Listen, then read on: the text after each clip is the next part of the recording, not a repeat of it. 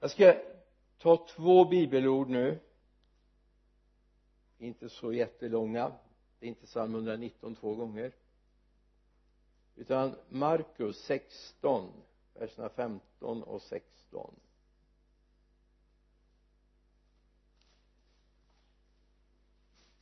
och han sa till dem gå ut i hela världen och predika evangelium för hela skapelsen den som tror och blir döpt ska bli frälst. Men den som inte tror ska bli fördömd. Romarbrevet 6 vers 3 eller vet ni inte att vi alla som har blivit döpta till Kristus Jesus har blivit döpta till hans död? Vi är alltså genom dopet till döden begravna med honom för att också vi ska leva det nya livet liksom Kristus uppväcktes från de döda genom faderns härlighet. Ty är vi förenade med honom alltså Jesus genom en död som hans skall vi också vara förenade med honom genom en uppståndelse som hans. Vi vet att vår gamla människa har blivit korsfäst med Kristus för att syndens kropp ska berövas sin makt så att vi inte längre är slavar under synden. Ty den som är död är friad från synd. Har vi nu dött med Kristus tror vi också att vi ska leva med honom. Den här dagen när vi har öppnat dopgraven här igen. Jag tycker det här är underbart. Jag satt här i natt och tittade och funderade. Gud är fantastisk Hur, för vilken gång i ordningen under mina år här jag har öppnat dopgraven det vet jag inte. Jag har tappat räkningen. Men det är ett antal gånger. 94, 95 tror jag det var varje månad jag hade dopgraven öppen och sen har det varit många gånger sen dess. Det har varit onsdagar och det har varit måndagar och det har varit söndagar. Vi är inte så konventionella sådär men det som är viktigt det är att det här är ett viktigt steg på vägen tillsammans med Jesus. Det är ett steg på vägen tillsammans med Jesus. Men nu skulle jag bara vilja vända mig till oss alla som är här just nu det här ögonblicket, den här stunden se det som en livets rastplats. Bekymra dig inte så mycket ifrån varifrån han eller hon kom och vart hon eller han ska efter den här rastplatsen. Utan nu funderar vi bara på vad vill Gud här och nu? När vi är här vad vill han med den här livspausen? Är det någonting han har i beredskap att säga till oss? Någonting som kan vara viktigt för oss? Det är viktigt att ta vara på rastplatser. Får jag ta en liten anekdot? Jag bara kom att tänka på det nu. Jag har inte skrivit ner det men det här att ta vara på en rastplats när jag växte upp så reste vi väldigt mycket. En och en halv vecka varje sommar. Min pappa var egenföretagare det var inte så lätt att ta ledigt. Men en och en halv vecka reste vi land och rike runt. Och hälsade på våra släktingar uppe i Norrland och vi eh, hann med tror jag nästan alla städer som finns i det här landet utom Kiruna och Visby. Men jag har ingen aning om hur de såg ut. Det var vägarna gick ju genom städerna som väl var på den tiden så man hann ju se om det fanns en glasskiosk åtminstone och fick hojta till. Vid en sån där rastplats strax utanför Haparanda på en tyckte jag väldigt ödslig grusväg det här var 50-tal så stannade vi och så skulle den här spritköket fram och så skulle det kokas kaffe och te och så blev det så länge så att vi till och med lagade middag. Det kokades potatis och det stektes kött och det hur man klarar av det med en enda låga det, det begriper inte jag men bra blev det nog i alla fall. Men min bror fick en sån där snilleblixt. Så han tog en papperslapp och så skrev han sitt namn och sin adress och så gick han en bit in i skogen och tryckte fast det på en liten kvist som stack ut från en tall inte mer med det. Utan sen åkte vi vidare och var snart hemma igen. Det gick tre månader. Så dimper det ner ett brev till min bror. Inte från Haparanda utan från Rio de Janeiro. Och så skriver en tjej betydligt äldre än min bror skriver det när vi stannade på en rastplats tog jag en promenad för jag tycker om den svenska naturen och plockade lite kottar som jag tänkte jag skulle ta med mig när jag kommer åker till Brasilien och skulle göra en tavla av det. Och där hittade jag din lapp. Och så blev min bror och hon brevkompisar under en lång tid. Ta vara på rastplatserna även den här ja, jag vet ju men det, jag rekommenderar det inte. Jag vet de som har suttit och plitat in i bänken framför sitt namn och sin adress. Men det är inte bra för då vet man ju vem som har gjort det. Och då vet man vem man ska ta i örat. Så det, det är ingen bra idé. Och tittar du framför dig lite grann kan du se att på ett och annat ställe så är det faktiskt inristat både det ena och det andra. Varifrån kom du? Du behöver inte berätta. Vart är du på väg med ditt liv? Du behöver inte berätta. Frågan är är du medveten själv om vart du är på väg? Är du medveten själv om vart ditt livs resa kommer sluta? Nu är vi på en rastplats. Nu kan vi ta chansen och börja fundera. Ska jag fortsätta i samma riktning som jag kom hit? Eller ska jag byta riktning? Finns det någonting som säger att det kunde vara bra att byta riktning? Ja du får själv avgöra. De kristna kallades under den första tiden för vägens människor. Paulus nämner om det här eller det nämns om det i Lukas när han skriver apostlagärningarna för det var så att Paulus åkte till Damaskus för han ville ha tag i dem som eh, var på den vägen.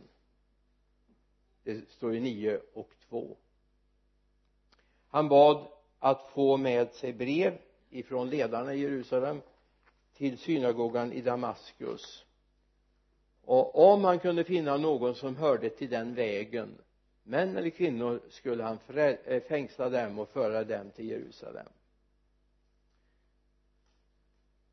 Och det var en beteckning och jag funderar på det här varför har man den beteckningen på dem? Det var ju inte de själva som sa att vi är vägens människor och satte en liten etikett på sig utan någonting i deras liv sa var det så att man knöt det till Jesusorden? Johannes 14 och 6 Jesus säger jag är vägen, sanningen och livet. Eller fanns det någonting i deras sätt att vara som blev att de här var inte stationära de här var på något sätt mobila de här var på väg? De ville någonting med sitt liv. De var inte nöjda bara att sitta hemma och så gå till jobbet och så gå till kyrkan eller hade de ju inte, de hade ju synagogor de var inte nöjda, de ville någonting mer. De ville berätta om honom som hade betytt så mycket för dem. Och så fick de epitetet vägens människor. Hur är det med oss? Vad har du för något epitet? Den stillasittande gympa mannen eller kvinnan? Eller den ivrige vittnaren.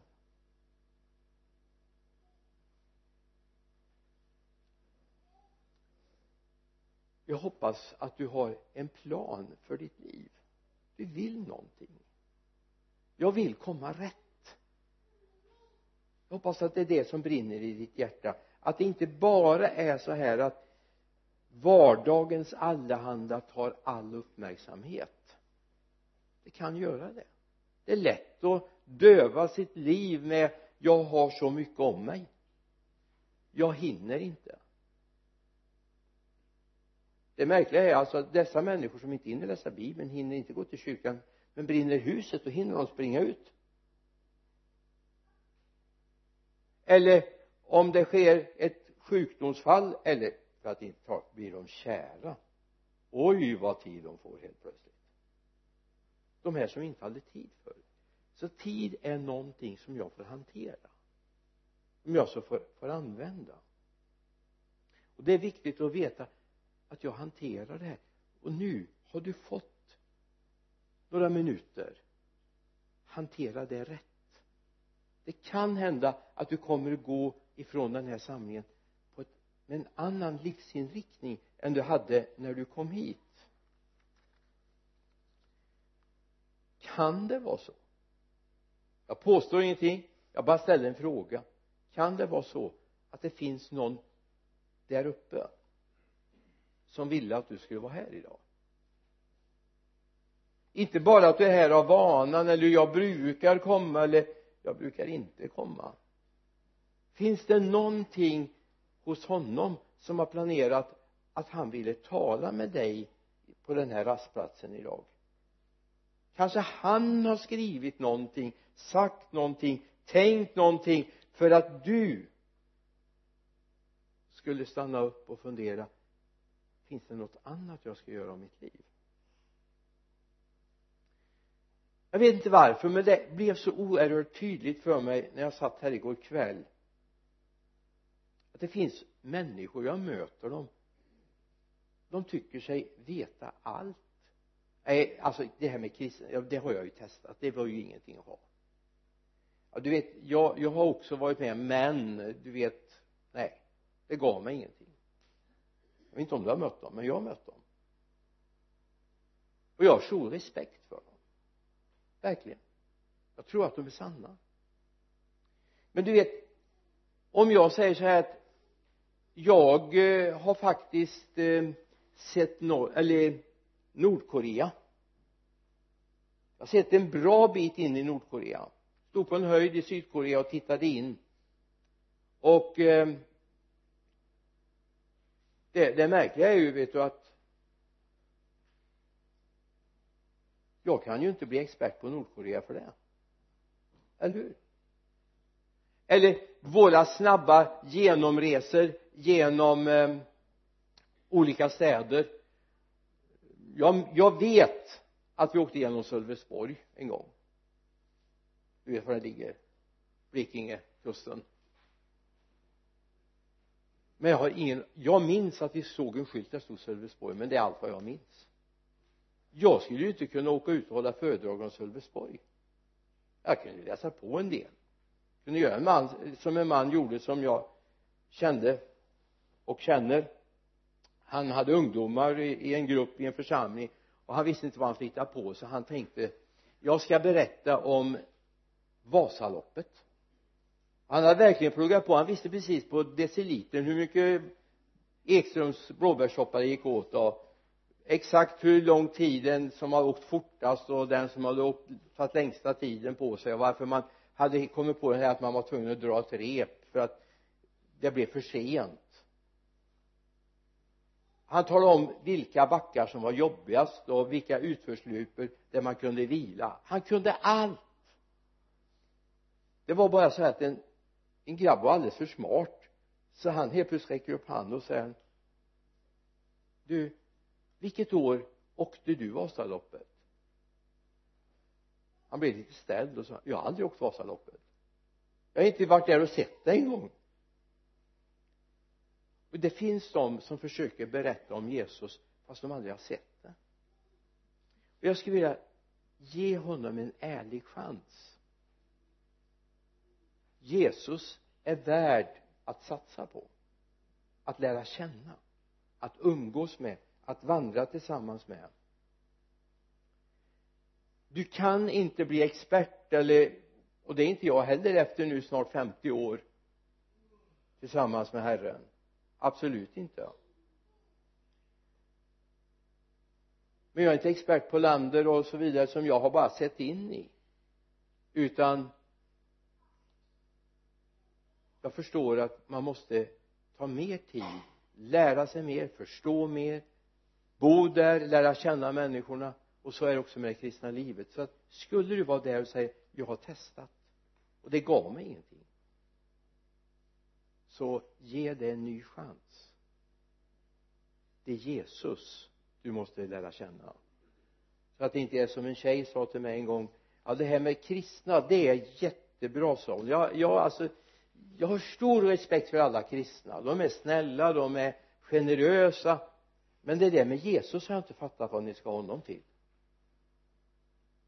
Kristen utan Jesus. Det är inte så enkelt. Det är jättesvårt så ge nu Jesus en ärlig chans och du kommer få se att det är en ny värld. Att döpas en del av resan. Den här ritar man en ritning så står det faktiskt dopbassäng. När vi skulle bygga nya kyrkan ute i Vargön så var det inte arkitekten för han visste, visste mycket väl vad en dopbassäng var en dopgrav var. Men vi hade en entreprenör där som stod och läste på ritningarna och konstaterade att den här var större än dopfunten i kyrkan. Och det är ju ganska enkelt att konstatera att den är större. Och sa han ska ni massdöpa barn här? sa han. Nej det ska vi inte göra han hade aldrig hört talas om att människor gick ner helt och hållet i vatten och att vuxna människor döpte. Det liksom fanns inte i hans begreppsvärld. Så han tänkte att här skulle man stå på knä och så skulle man döpa mängder av barn eftersom det var så stor. Men det här är en viktig symbolhandling ja än mer. Det är en gränslinje i en andlig människas liv en viktig gränslinje. Det finns en mängd bilder i bibeln på det här. Det står att vi begraver vår gamla människa. Och ärligt talat alltså har man begravt någon så bär man ju inte med sig det sen heller va? Jag jobbade en period som begravningsentreprenör på en begravningsbyrå här i stan. Och när vi hade haft en jordbegravning så lämnade man ju kistan där eller hade man haft en urnsättning så lämnade man urnan. Efter att man hade tagit farväl av minnena och det som hade betytt mycket för en. Man går inte vidare med det. Och så är det också när jag begraver den gamla människan så lämnar jag det där. Jag går inte vidare och släpar runt på det. Utan jag är medveten om att nu har jag lämnat någonting bakom mig. Det finns en bild som används i bibeln och det är när Mose lämnade Egypten tillsammans med ett antal av dem som hade bott där sedan Josefs tid. En lång period. Faraonerna som satt på tronen nu hade suttit och satt just nu hade ingen aning om vem Josef var som var i det närmaste kan man säga finansminister eller statsminister i faraos regering. Hade hand om landets finanser och mycket av ledningen det, det praktiska arbetet för att hålla ihop det här stora landet.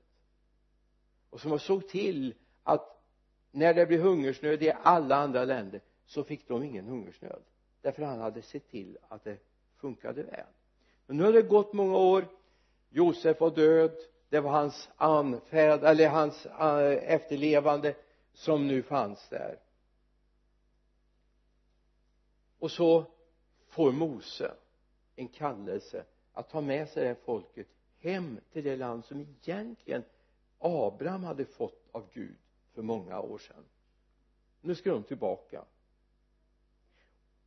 Och då leder Gud dem på ett mycket märkligt sätt det fanns ju en, en väg ni vet Josefs bröder kom ju ner och, och hämtade säd när Josef var liksom finansminister och statsminister och eh, ecklesiastikminister och allt vad det nu kan heta va? Han skötte ju liksom nästan hela rubbet. Då gick de ju inte den här vägen. Men Gud hade en tanke att leda dem den vägen. Han ledde dem fram till en punkt där de var tvungna att ha ett mirakel för att gå vidare. Vid Röda havet. De kunde inte gå torrskodda över de kunde inte vada över. Gud var tvungen att göra ett mirakel. De går genom Röda havet. Och så heter det hos Paulus så här i första Korinthierbrevet 10 1 bröder jag vill att ni ska veta att alla våra fäder var under månskyn och att alla gick genom havet. Och så alla blev i månskyn och i havet döpta till Mose. De blev döpta till tillhörighet till Mose som sin ledare som var Guds ställföreträdare. Och då kan man fundera på varför krånglar Gud till det så här? Eller har Gud en tanke med det? Nu hinner jag inte läsa. Jag skulle vilja läsa mycket mer men du får ta tid och vill du ha bibelställena kan du få dem av mig sen. Men när Mose har räckt ut staven och vattnet delar sig man går torrskodd genom Röda havet. Tyvärr är det många till och med kristna vetenskapsmän som inte riktigt fattar grejen med det här och förstår inte att det var här utan man sa att det var i Sävhavet och där kunde man vada över. Men det var inte vid Sävhavet för i så fall gör man en väldigt märklig från sista lägerplatsen till första läger eller första på andra sidan eh, Röda havet så gör man en väldigt märklig manöver om man ska gå upp och gå alldeles i det här träsklandet längst upp. Då går man långt upp går över och går långt tillbaka igen. Mer än en dagsresa på varje håll nej Gud hade en tanke. Och det här vill jag bara placera på den här dopgraven som är något av vårt Röda hav. Någonting av vårt Röda hav. För när de har gått över då ångrar eller precis när de är på väg att gå över eller på väg och ska gå över så ångrar sig far och nej men det var ju synd att vi släppte alla de här. De var ju så billig och bra arbetskraft. Så att hela faraos här alltså Egyptens kungs här kommer efter för att hämta dem tillbaka igen. Det var bara det att när Israels barn har gått över så slöt Gud havet så att det vart högt igen. Och här visar det ytterligare att det inte var Sävhavet utan det var det öppna Röda havet man gick över. Vilket gjorde att de som försökte de gick under. Och från den stunden hade man inga problem längre med de yttre krafterna. Farao slutade förfölja dem när de gick i öknen bort till Sinai. Han hade gett upp här. Och så är det också med de yttre krafterna. När vi går genom dopgraven så är det en skiljevägg mellan det gamla livets frestelser och det nya livets uppenbarelse det finns här. Och det är viktigt att vi ser vad Gud gör. För vi har en avsvuren fiende. Han försöker lura oss. Han vill gärna säga men det var väl ingenting med det där. Det betyder väl ingenting. Men det gör det visst. Och Gud vet bra. För att inte säga bäst. Den svaga länken lyssna nu i det här. Det är du och jag. Det som Gud kunde åstadkomma med Röda havet det var att nu fanns inte faraos här den yttre fienden längre. Men då levde de med en inre fiende. Och den måste Gud också få ta tag i. Den inre fienden och det är våra minnen. Och du vet att när jag kommer hem ibland nu finns inte huset där jag växte upp mina mesta år de finns inte kvar. Men ett och annat träd finns där och något brunnslock. Och det är märkligt alltså brunnslocket jag fattar inte. Hur kan man tänka? För när jag var barn så tyckte jag det var som ett stort berg att komma upp på det här brunnslocket. När jag kommer hem nu så ser jag att det ligger ju nästan platt med marken. Och jag tror inte de har förändrat marken. Trädet som jag klättrade upp i och kände mig som en kung. Kom an nu! Nu är jag herre på täppan här. Den trädklykan jag satt i den kan jag kliva upp i nu. Det proportionerna förändrar sig. Men det är också så att minnesbilderna förändrar sig. Det där som var jobbigt och besvärligt. Det blir helt plötsligt positivt. De fick god mat, de hade det bra. De hade helt tappat bort att de faktiskt många gick under och jobbade sig till döds. Det var bortsorterat. Och så är det också med många som har tagit vägen genom dopgraven. Deras största fiende är de själva. Deras egna upplevelser. Romarbrevets sjätte kapitel. Vers 11 så skall också ni se på er själva. Ni är döda från synden och lever för Gud i Kristus Jesus. Det kan du ha som ett bra minnesord från den här dagen. Jag lever för Gud i Kristus Jesus. Synden ska därför inte härska i era dödliga kroppar så att ni lyder dess begär. Ställ inte era lemmar i syndens tjänst som vapen åt orättfärdig utan ställ er själva i Guds tjänst. Ni som var döda men nu lever. Ställ era lemmar i Guds tjänst som vapen åt rättfärdigheten. Alltså vi har ett val. Den yttre fienden har ingen tillgång till oss mer än när vi själva bjuder in. Och då ska vi inte bjuda in och då säger Petrus någonting i sitt första brevs tredje kapitel vers 21 och då står det om dopet här. Och det tar han exempel på Noa hur han räddades från syndafloden genom en ark. Efter denna förebild frälser dopet nu också er. Det innebär inte att kroppen renas från smuts utan ett, ett rent samvetes utan är ett rent samvetes bekännelse till Gud genom Jesu Kristi uppståndelse. Alltså Gud gör det inte så här att det här är en tvättbalja eller ett bykkärl om man ska tala gammalsvenska. Utan det här är en plats där Gud kan tvätta mig inuti. Och det här är nödvändigt. Då har vi först det här att Gud befriar mig från den yttre faran och frestelsen. Såvida jag inte bjuder in den. Och för att jag inte ska bjuda in den så tvättar Gud mig ren inuti. Därför är det här viktigt det som händer idag. Låt mig bara få sluta och säga så här